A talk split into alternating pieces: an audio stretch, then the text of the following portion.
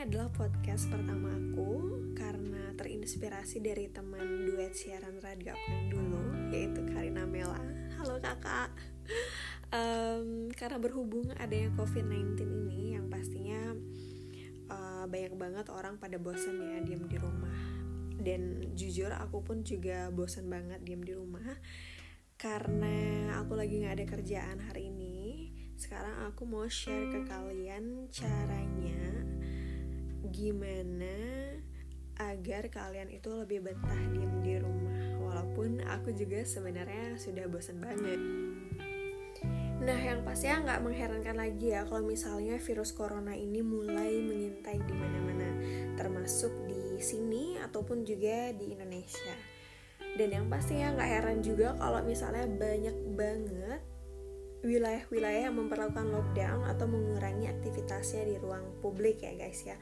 Nah, mungkin buat kamu yang udah terbiasa diam diri di rumah, gak akan sulit nih untuk menghadapi masa lockdown ini. Tapi apa jadinya ya buat kalian yang misalnya sudah terbiasa melakukan kegiatan produktif di luar rumah sana, pasti ini merupakan hal yang baru di hidup kalian. Nah, tapi jangan khawatir karena ada banyak hal yang bisa kamu lakuin ketika kamu diam di rumah. Contohnya, uh, kamu bisa baca buku. Kalau misalnya dulu kamu sibuk karena bekerja atau melakukan kegiatan di luar rumah, nah sekaranglah saatnya buat kamu untuk membaca entah itu buku, artikel, berita, apa pun itu yang mungkin saja bisa bermanfaat buat kamu. Selain membaca, kamu juga bisa menonton sama seperti buku ya, ibaratnya koleksi film pun bisa kamu habiskan selama masa lockdown ini. Nah, kamu juga bisa mencari film-film baru yang belum sempat kamu tonton selama kamu sibuk bekerja atau melakukan aktivitas di luar sana. Kamu bisa tanya teman-teman kamu kalau misalnya mereka punya referensi film apa sih yang bagus buat ditonton ya.